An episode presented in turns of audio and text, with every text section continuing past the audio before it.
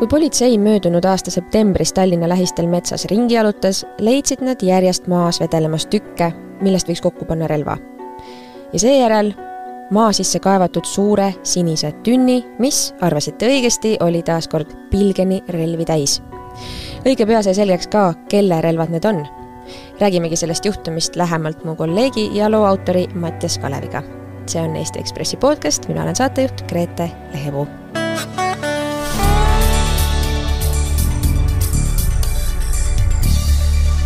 tere tulemast tagasi, Mattias! tere! Taas kord äh, põnevad tegelased sinu, sinu lugudesse sattunud. Äh, seekord siis ähm, räägime ühest äh, härrasmehest, kes kogus täiesti hämmastavas koguses relvi. aga alustame võib-olla juttu taas sealtsamast metsa alt, mida ma saate alguses kirjeldasin. kuskil Maardu ja Muuga vahel tegelesid inimesed mitte seente korjamisega, vaid relvade korjamisega. räägi meile sellest olustikust seal eelmise aasta septembris see olustiku kirjeldus oleks äh, paslik alustada vast sellest, kuidas, kuidas need relvad üldse avastati, mis oli tegelikult täiesti juhuslik, et enne kui jõudsid sinna sündmuspaika kõigepealt patrulli ja seejärel kriminalistid, käis seal lihtsalt üks meesterahvas äh, ennast kergendamas autosõidul, parkis auto tee äärde ja läks pissile ja mis ta sealt avastas, mingil põhjusel läks ta paarkümmend meetrit sügavale võsasse ja hakkas järjest tulema relvakabasid, mingisuguseid kabuure ja nii edasi, helistas politseisse ja, ja siis hiljem, kui tuldi kohale, siis kriminalistid avastasid seal selle suurema peidiku maa seest. kelle relvad need olid? Ehm, mees nimega Deniss Kozlov, et äh, tuvastati ta noh, mitme asja järgi, esiteks olid seal DNA-proovid nendel relvadel, mis siis viitasid kaudselt temale, hiljem pandi ka tema kokku, lihtsalt tema DNA-d ei olnud andmebaasides olemas, aga seal oli ka siis üks ümbrik, mis siis oli Deniss Kozlovi Äh, Saksa aadressile saadetud. tegemist oli te,, tegemist on endiselt äh, Vene kodanikuga, Venemaalt pärit mees, kes siis erinevates Euroopa Liidu riikides äh, suurema osa oma täiskasvanu elust on veetnud, tänaseks on ta neljakümnendate keskpaigas, enamus sellest täiskasvanu elust on veedetud Saksamaal ja ainult viimased paar, paar aastat Eestis. kas on teada ka, mis elu ta siin Eestis elas? Äh, küllaltki on, on, on palju kilde, killud on huvitavad, aga sellise tervikpildi kokkupanemine ongi võib-olla tema puhul see kõige keerulisem ja samas ka kõige huvitavam küsimus, et käis tööl, töötas kuskil äärelinnas asuvas toidulaos, ähm, elas Lasnamäel niisuguses uues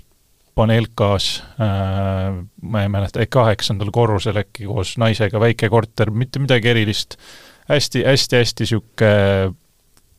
keskmine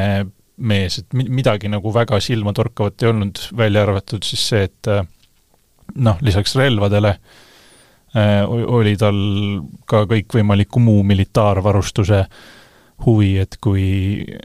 kui teised inimesed öösel magavad, siis tema käis võib-olla mingisuguste öökaamerate ja vaatlusseadmetega kõikvõimalikes kohtades, al-, alates erinevatest tuvastamata jäänud ja võib-olla mingi intrigeerivamatest kohtadest, äh, kuni vahtis ka lihtsalt Lasnamäe kanalis autode liikumist öövaatlus militaarseadmetega. ja no lisaks sellele oli ta ka päris kõrgel tasemel tuuker ja lennutas droone päris hea komplekt. Ehm, jõuame selle komplektini võib-olla natuke hiljem, et spekuleerida, milleks see võis tarvilik olla. aga mulle tuleb meelde sealt loost see episood ka, kui politsei jõudis tema sinna Lasnamäe korterisse. ja noh, piltlikult öeldes kapp just avades äh, lendas jälle taaskord välja terve posu militaarvarustust. just, et seal noh, koridorikapis oli vist isegi äh, peamiselt mingisugused lõhkeained ja detonaatorid ja noh, ka loomulikult termokaamerad ja öövaatlusseadmed, aga, aga noh, voodi all mees elas nagu mingisugune Märuli-filmi kangelane, et ei olnud mitte ainult püstol, vaid oli püstolil ka igaks juhuks kas kaks või kolm varusalve, et kui on suurem tulevahetus ja siis oli veel, siis oli veel äh, padrunid ka äkki üks karp ja, ja noh, siis kõige lõpus, kui oli kogu kodu läbi otsitud tal, siis seesama Lasnamäe korter kahetoaline, et eh, siis küsiti, et kas on midagi veel välja anda või lähme vaatame keldrisse ka, siis mees andis, Deniss ütles kenasti uurijatele, et äh, et jah, et mul on äh, kuuli, kuulipildur ka keldris ja siis läks näitas selle ette. mille jaoks on ühel inimesel vaja nii palju relvi? iseenesest ei ole keelatud relva omada, kui sul on relvaluba, see relv on seaduslik, sa paned selle kuskile registrisse, äh, siis uuendad oma lubasid ja noh, kõik on, niimoodi on võimalik olla küll relvaomanik. kuidas temaga lood olid? ühtegi relvaluba tal ei ole ega äh, ole kunagi olnud, tema enda sõnul isegi mitte Venemaal, et äh, ja mille jaoks tal siis kogu see varustus oli, kuidas ta ise põhjendas seda? Ma kujutan ette, äh, politsei küsis seda. jaa, ei, äh, tema versioon asjadest on see, et tegemist on lihtsalt niisuguse kirgliku militaarfanaatikuga, et kõik alates maailmasõdadest kuni tänase päevani välja Äh, tema sõnul ennekõike just relvad, aga noh, ka sukeldumistausta tõttu nähtavasti ka kõikvõimalikud merekaardid, maakaardid, sadamaalad, piirialad teda ikka väga köitsid. Tajun su ähm, hääles kerget irooniat äh,, ehk siis ähm, ma jõuaksin jutuga nüüd selle, selle komplekti või, või selle kogu tausta kokkupanekini, no vägisi kisub ju tavalugejal äh, küsimus sellele suun-, sellesse suunda ja ma ei tea, kas politsei saab su niisugust asja kinnitada või mitte. kas see inimene luuras Eesti järgi? Äh, kust mina tean? mina ütlen ausalt, mina ei, ei tea, ma siin ja tõenäoliselt siis ka politsei ei tea? no politseil noh, ka siis seda menetlust juhtinud äh, Hisko Varese sõnul siis Põhja prefektuurist äh,, tema siseveendumus on, et jah, midagi ta luuras, aga pärast pikka-pikka-pikka menetlust, ka kapoga koostööd, kõikvõimalike väga veidrate asjade, et siin on kirjeldatud tegelikult pisike komplekt neist, et äh, nende kõikide läbiuurimisele vaatamata ei suudetud nagu sõrme peale panna ühelegi episoodile, kus oleks reaalselt mingi olulise väärtusega info tema poolt olnud kas kogutud või edasi antud, et see kõik oli hästi teoreetiline, aga noh, sellele vaatamata siis Isko Vares ütles, et tunnetus on, et midagi ta tegi, mis tasemel ta tegi ja noh, kellele täpselt, et see on iseasi küsimus, aga noh, kuna midagi ei leitud, siis lõpuks äh, karistusseadustik äh, ühesõnaga, ta, teda, ta mõisteti süüdi relvaseaduse rikkumises ja see, see ei ole mingisugune mingi, mitte midagi, mingi riigivastane tegevus, et küllaltki lihtsad paragrahvid ja ja selle tõttu ta ka ei, ei ole meil siin pikemalt kuskil vangis konutamas. Politsei jaoks oli see tegelikult ikkagi äh, selline märkimisväärne juhtum. Nad äh, ise ütlevad, et nii palju relvi Põhja prefektuuris vist ei ole leitudki jaa, et see noh, kuigi tõen-, selle, see, see vähemasti niisuguses aktiivselt töötavad äh, politseinike mälus seda tõepoolest ei ole, et võib-olla kunagi kuskil üheksakümnendatel võis olla veel analoogseid juhtumeid, aga, aga laias laastus Põhja prefektuur on üks asi, aga kui üldse rääkida siin viimasest, ma ei tea, kahe tuhandete algusest, siis ainuke selline kogus just sõjarelvi, äh, võib-olla Assar Pauluse see koerakuut selle katuselt, granaadiheitjad või, või mis seal olid, et see on nagu võrreldav kogus, kuigi pigem ikkagi noh, siis härra Kozlovil oli rohkem. aga, aga muidu jah, et nii palju relvi, nii palju moona ja just üks asi on ka see, et need seadmed, et seal oli näiteks mingisugune no ikkagi Vene eriteenistuse mingisu-, no ühesõnaga seadmeid nagu ühenduse pidamiseks ja nagu huvitavaid tipptasemel seadmeid, et mitte niisuguse nagu Teise maailmasõja fanati äh, seadmeid, vaid ikkagi nagu tippvarustust kohati. kas sul tekkis selline küsimus ka, et ähm, või kas see, kas selle loo tegemise ajal kuidagi selgus, kui see inimene, ta oli siin olnud ju ainult paar aastat, aga ta oli jõudnud koguda ikkagi noh, märkimisväärne, väärse arsenali, ähm, millest äh, jah, nendel märu, märulikangelastele jääb ka üle, on ju, veel nendest relvadest mm. -hmm. kas ta ilma selle juhusliku, väidetavalt juhusliku seenelkäija või pissile mineja, ja kas ta oleks politseile radarile jäänud? et äh, kui palju meil võib niisuguseid tegelasi siin Eestis niimoodi ringi käia ja endale niisugust relvaladu korraldada? Noh, kuskil radaril ta sellel hetkel vähemasti ei olnud, et kas ta oleks tänaseks sinna radarile millegi muuga sattunud, seda ma, mina ei oska spekuleerida, aga aga noh, sellel hetkel ta seal mitte kuskil ei olnud, mistõttu on ka väga keeruline pakkuda, palju võib olla inimesi, kes äh, kuhugi radarile sattunud ei, ei ole, et selles suhtes noh, inimene elas tagasihoidlikku elu, palju, Lasnamäel elab veel palju, ma ei tea, sada tuhat pluss inimest, kui mõnel neist on veel sarnased hobid, siis mis on see tõenäosus, et neid tuvastatakse või ei tuvastata, ma tõesti ei oska pakkuda. aga iseenesest relvasid endale koguda on Eestis vist päris lihtne, jah? Äh, jaa, äh, eri-, no te-, tema puhul tegi selle asja siis eriliseks see, et ta tegeles põhimõtteliselt deaktiveeritud relvadega. Ja enda sõnul ja mingisugused load olid tal ka äh,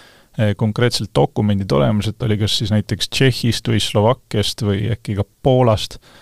mm, ostnud deaktiveeritud sõjarelvi, aga noh, nagu ka politsei ilusti ütles, siis sellise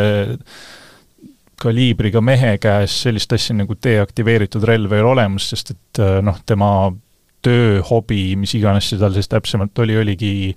relvade ümberehitamine, deaktiveeritud relvade aktiveerimine ja kõik sellega seonduv, et äh, noh, deaktiveeritud relv, see on põhimõtteliselt see asi, mis on mõeldud, et inimene võib panna oma kamina kohale seina peale riputada, aga noh, ja seda võib omada igaüks, äh, aga aga noh, mõni mees lihtsalt oskab sellega aktiveerida? ma enne viitasin äh, siin verbaalselt, tegin jutumärke selle inimese mm, tegevusele, et kes nagu juhuslikult justkui sattus sinna Muuga ja Maardu vahele metsa pissile ja siis seeni otsima, et ähm, äh, ma ei tea, kuidas sa seda mm, kommenteerid, et kergelt vandenõud võib siin õhku visata, et kas ta ikka sinna juhuslikult sattus, sellepärast et kes ometi jätab niimoodi laokile metsale need asjad, see, see tundub natukene mm, kahtlane, et kui sa oled ähm, kui sa vähegi oled professionaal selles alas, et siis sa ikkagi peidad nagu natuke paremini, et äkki oli kellegi lõks see sinna seatud? jaa, või, või siis mingisugune isiklikel tasandil toimunud konflikt, et äh, noh, et lihtsalt nagu loogiliselt mõeldes, siis sul on metsa sees mingisugune tünn, mis on otsast lõpuni relvi täis, see on korralikult maa alla maetud, aga seal ümber lihtsalt nagu mõnekümnemeetrises raadiuses vedeleb veel relvajuppe, kabuure, noh, mida iganes. see noh, nagu natuke on nagu loogikavastane, et äh, kui sa oled mingisugune, peidad oma relvad ära maa sisse, siis sa peidad nad ära relvad maa sisse, kui keegi juhuslikult need sealt välja kaevab, siis miks ta peaks võtma sealt välja mõned üksikud relvad, nende jupid, pilduma neid paarikümne meetri raadiuses ümber, ümber selle peidukoha, et seda võib-olla lihtsam avastada oleks, ja siis matma selle tünni maa sisse tagasi, et noh, see, see on, see on, seal on nagu palju niisuguseid noh, talupoja loogika vastaseid elemente, sama, üks, üks on ka siis neist see, et äh, see äh, Sergei, kes leidis selle, neid relvajuppe sealt metsast ja noh, siis väidetavalt läks äh, pissile ja leidis seeläbi, et noh, tema versioon alguses oligi, et ta läks pissile, siis oli see, et ta läks äh, seenele äh, ja noh, see seenele versioon tõen-, noh, peabki seal tõenäoliselt sees olema, sest et äh, see, kui, kui, kui paljud mehed, kui nad on kuskil tühja väikese tee ääres, ei äh, lähe siis ennast kergendama kas siis otse tee äärde või võib-olla mõni samm metsa, vaid ronivad ikkagi mingi kolmkümmend meetrit kuhugi mülkasse ja siis hakkavad sealt veel äh, rohu seest mingisuguseid metalljuppe otsima, et noh, see, seal, seal on palju, palju, palju noh, kas just küsitavusi, aga veidruseid. mille üle sind pani see lugu mõtlema? kas olid mingid suuremad teemad, mis, mis võib-olla vastust ei saa, aga, aga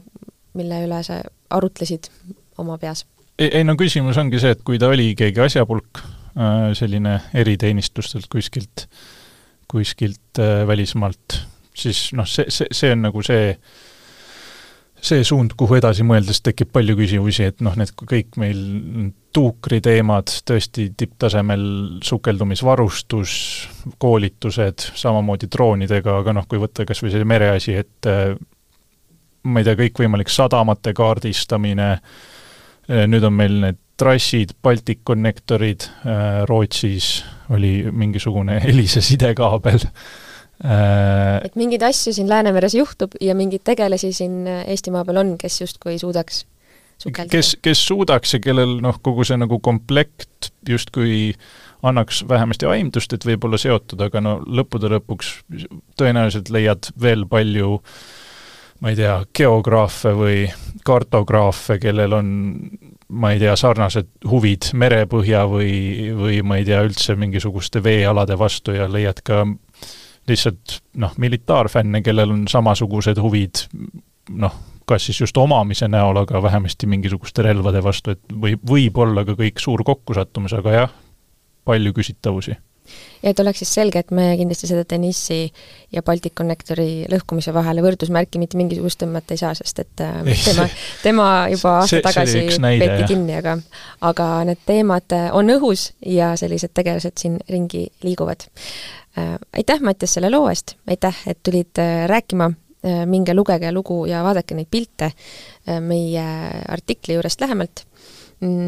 Ja tulge kuulake Ekspressi podcasti taas järgmine nädal, me oleme ikka kättesaadavad Delfi taskust, Spotify'st ja kõigist muudest kanalitest. kõike head!